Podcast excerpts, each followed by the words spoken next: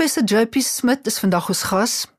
JP is lid van die filosofie departement Stellenbosch Universiteit en sy nisgebiede is taalfilosofie en die filosofie van die ekonomie. JP, goeiemiddag. Dankie dat jy hier is. Middag Mariet, plesier om hier te wees. JP, ons werk elke dag met geld. Almal van ons werk elke dag met geld. Wat is geld? Ehm, um, dis natuurlik 'n komplekse vraag en as akademikus is ek altyd bereid om dit meer kompleks te maak as wat regtig nodig is. So ek het artikels daaroor geskryf. Ehm um, ek steel van 'n groep wat ons agiteer sterk vir die siening. Die gewone siening is om te sê daar's al verskillende goed histories wat geld was. Daar was natuurlik mense al skulpe gebruik, sigarette in 'n tronk. Deesdae in Amerikaanse tronke, hulle gebruik blykbaar uh, ramen noodles of soms ehm um, blikkies makreel, die sogenaamde mac en jy kry allerlei forme daarvan. Ons agiteer sterk vir die siening geld is abstraksie, is inherente abstraksie, is nog altyd abstraksie, is net 'n manier om nommers aan mense toe te ken en die ding wat jy in jou sak het of die rekord wat lê by die bank op een of ander rekenaarbediener is eintlik net 'n rekord van hierdie abstrakte feit. So die geld is nie die R5 in jou sak nie, die geld is nie die sigaret wat jy het as jy in 'n tronkekonomie is nie. Die geld is 'n abstrakte nommer wat in jou toegeken word en daai is net 'n manier om rekord te hou van daardie geld. En uh, ons kan dink aan 'n hipotetiese geval as ons almal op 'n eiland is waar ons eenvoudig sê uh, Mariet het 5, JP het 7 en dan onthou ons hoe ons daai nommers aan mekaar toeken en ons hoef nooit dit eers 'n naam te noem nie. Ons hoef net te noem rande of dollars of skulpe of so iets nie. Die rande en skulpe en dollars moet net 'n manier om rekord te hou van hierdie abstraksie. Een storie wat ek blits vinnig wil vertel is die beroemde storie van die verskillende geldimplementasies wat die kry is die sogenaamde YAP in uh, Mikronesië. Ja. Hulle het 'n tradisie waar hulle ehm um, stene gebruik wat hulle op 'n aangrensende eiland uit 'n klipgroef kry. Dan vat hulle dit met 'n kanoe oor. Nou hierdie stene is reusagtig. Hierdie stene is dikwels groter as 'n mens self. En ehm um, die goed is te swaar om rond te beweeg. So hulle het die stene op 'n sentrale plek en almal onthou maar net wie besit wat. So die goed beweeg nie rond nie. Dis maar net iets wat ons onthou. Nou dit klink baie vreemd tot jy dink, maar wat doen die bank? Al wat die bank het is 'n rekord, right? En al wat daar staan is die rekord. Hierdie persoon het soveel, hierdie persoon het soveel, hierdie persoon het soveel. Wat die ehm um, Jap geval nog meer interessant maak, daar's 'n beroemde geleentheid waar hulle op die kanoe oorgekom het en toe ehm um, met die ding omgeslaan, toe sink die steen tot onder op die oseaan, natuurlik groot ramp. En toe het iemand die slim idee om te sê, maar ons weer is daar, ons onthou dit net, dis reg so jy het daai en dit tel. En so geld is maar hierdie inherente abstraksie en ons verskillende maniere om rekord te hou. Dit is ekonomies in die eerste plek ruilmiddel, dis ook 'n rekeneenheid, dis ook 'n stoor van waarde tot 'n mate ten minste. Maar in die eerste plek is dit 'n ruilmiddel en die ruilmiddel self is hierdie abstraksie. JP, maar hierdie ruilmiddel kan vir ons groot kwellinge veroorsaak. Dit kan vir ons 'n uh, rooi bankstaat op ons lesenaar laat beland. Maar buiten daardie implikasie is daar 'n sosiale betekenis aan geld. Ons sien nie net 'n bankstaat wat of swart of rooi is nie, maar in ons gemeenskap word ons menswaardigheid dikwels aan ons kredietwaardigheid gemeet. Dit dien as een van die maatstawwe van waar ons aansien het of waar ons nie toegelaat word nie. Hoe het dit gebeur? Hoe kom werk dit so? Sosiaal is dit baie interessanter want sosiaal het 'n klomp ander betekenisse natuurlik. Ons is tot 'n mate 'n uh, hiërargiese spesies en dikwels 'n baie neidige spesies. Ek meen ons niks wat jou so blitsvinnig verarm as wat jou uh, buurman 'n nuwe swembad kry nie. Mense, ekonome noem dit posisionele goedere. Mense gee om oor waar hulle inpas op hiërargie, natuurlik sommige meer as ander en hulle ehm um, gee daaroor om en natuurlik ook oor absolute goedere wat hulle het. Die probleem met posisionele goedere natuurlik is een persoon beter doen en 'n ander een persoon slegter. Dit is zero som.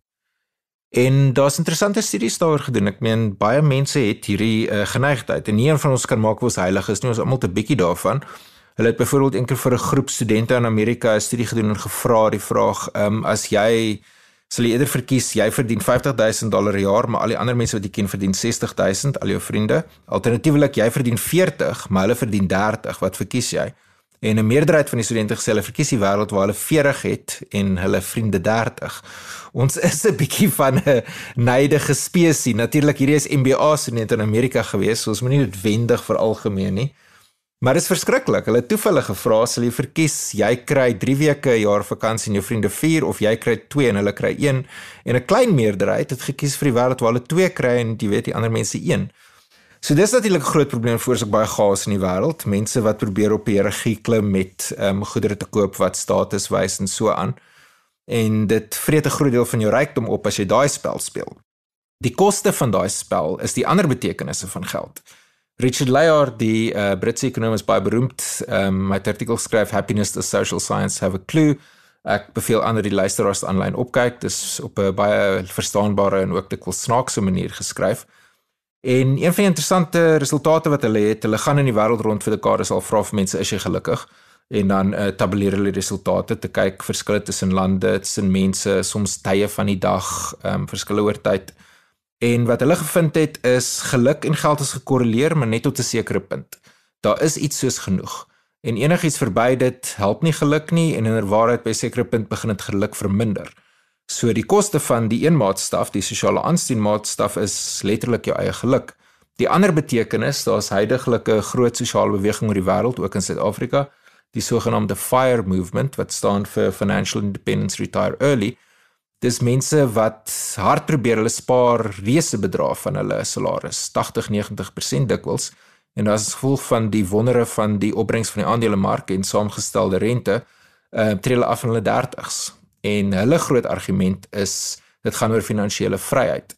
Wanneer jy die sosiale spel speel, wanneer jy oorspandeer, wanneer jy ehm um, nie spaar nie wat jy eintlik opgee is jou toekomstige vryheid en die doel van ekonomiese aktiwiteit is om so vinnig as moontlik jou finansiële vryheid te probeer koop. Soos ons nou almal met die afgelope onvoorsiene skokslag van die pandemie beleef het, is mense voel minderwaardig en hulle voel 'n mislukking selfs al is dit 'n buitefaktor wat hulle geldstatus of hulle geldsituasie in die penarie laat beland het of in die knyp laat beland het. Buiteomstandighede is een ding. Maar hoe kan 'n mens self jou beskerm teen die stand of teen die vlak van jou inkomste wat dalk onvoorsien kan daal as gevolg van iets? Ehm, um, so ek's nie 'n finansiële adviseur nie, ek is 'n filosoof. Wanneer die wêreld ons advies vat, draai dit gewoonlik sleg uit. Ehm um, in die eerste plek sal ek mense verwys na ehm um, hierdie fire die financial independence retire early beweging in Suid-Afrika se weergawe daarvan as 'n podcast genaamd Fat Wallet en hulle het 'n baie aktiewe Facebook groep waar mense vra vra. Hulle advies en dis advies vir my eksaamstem. Eerste ding altyd is om begin vandag. Right? Probleme gaan nie makliker raak nie. En die eerste ewel natuurlike skuld.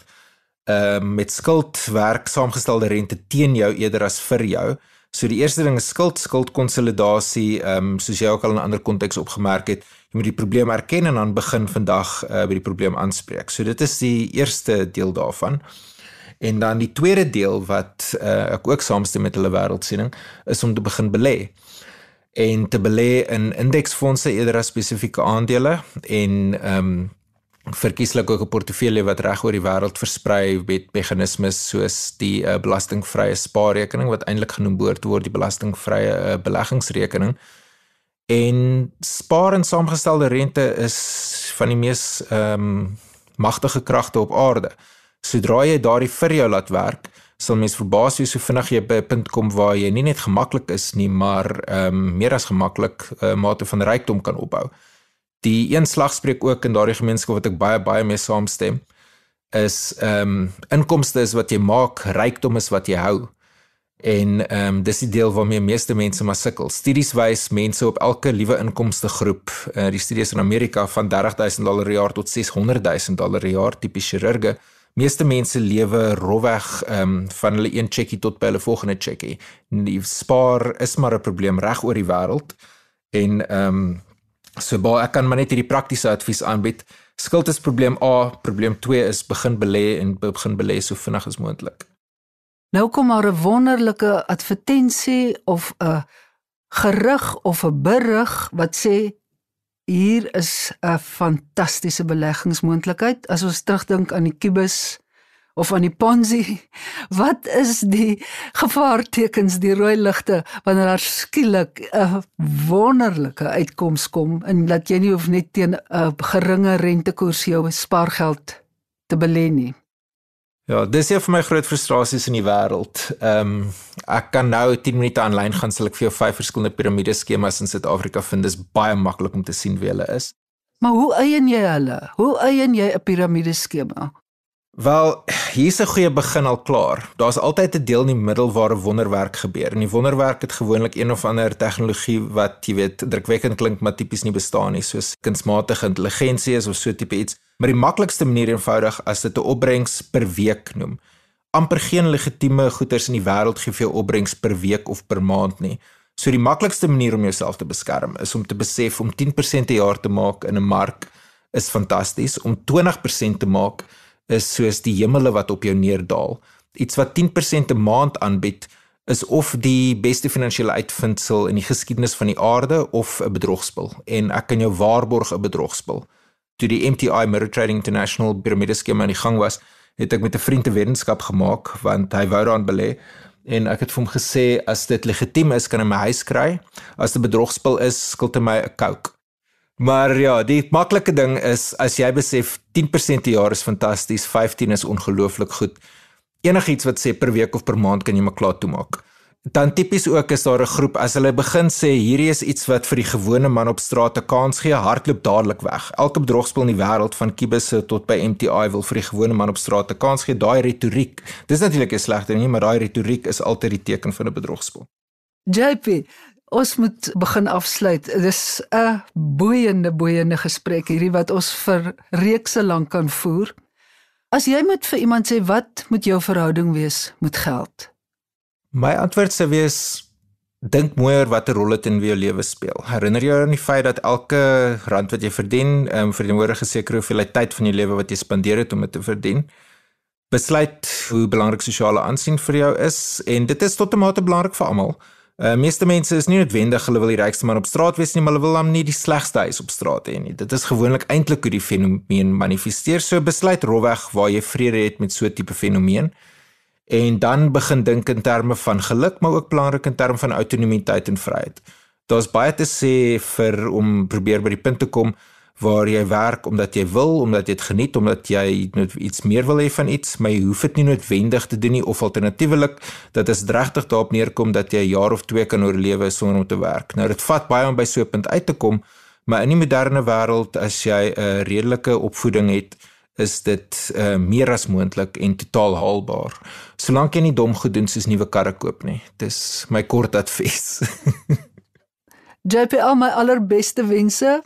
Ek hoop jou eie geldwysheid hou jou uit die moeilikheid uit en uit die rooi uit. En ek is seker hierdie wenke en resepte, eintlik en formules wat jy veral hier aan die einde van ons gegee het, gaan baie mense dalk uit 'n diepe verknorsing help of help voorkom dat hulle daarin beland. Baie dankie. Baie dankie Marie, ek het baie geniet. Al my beste wense vir jou.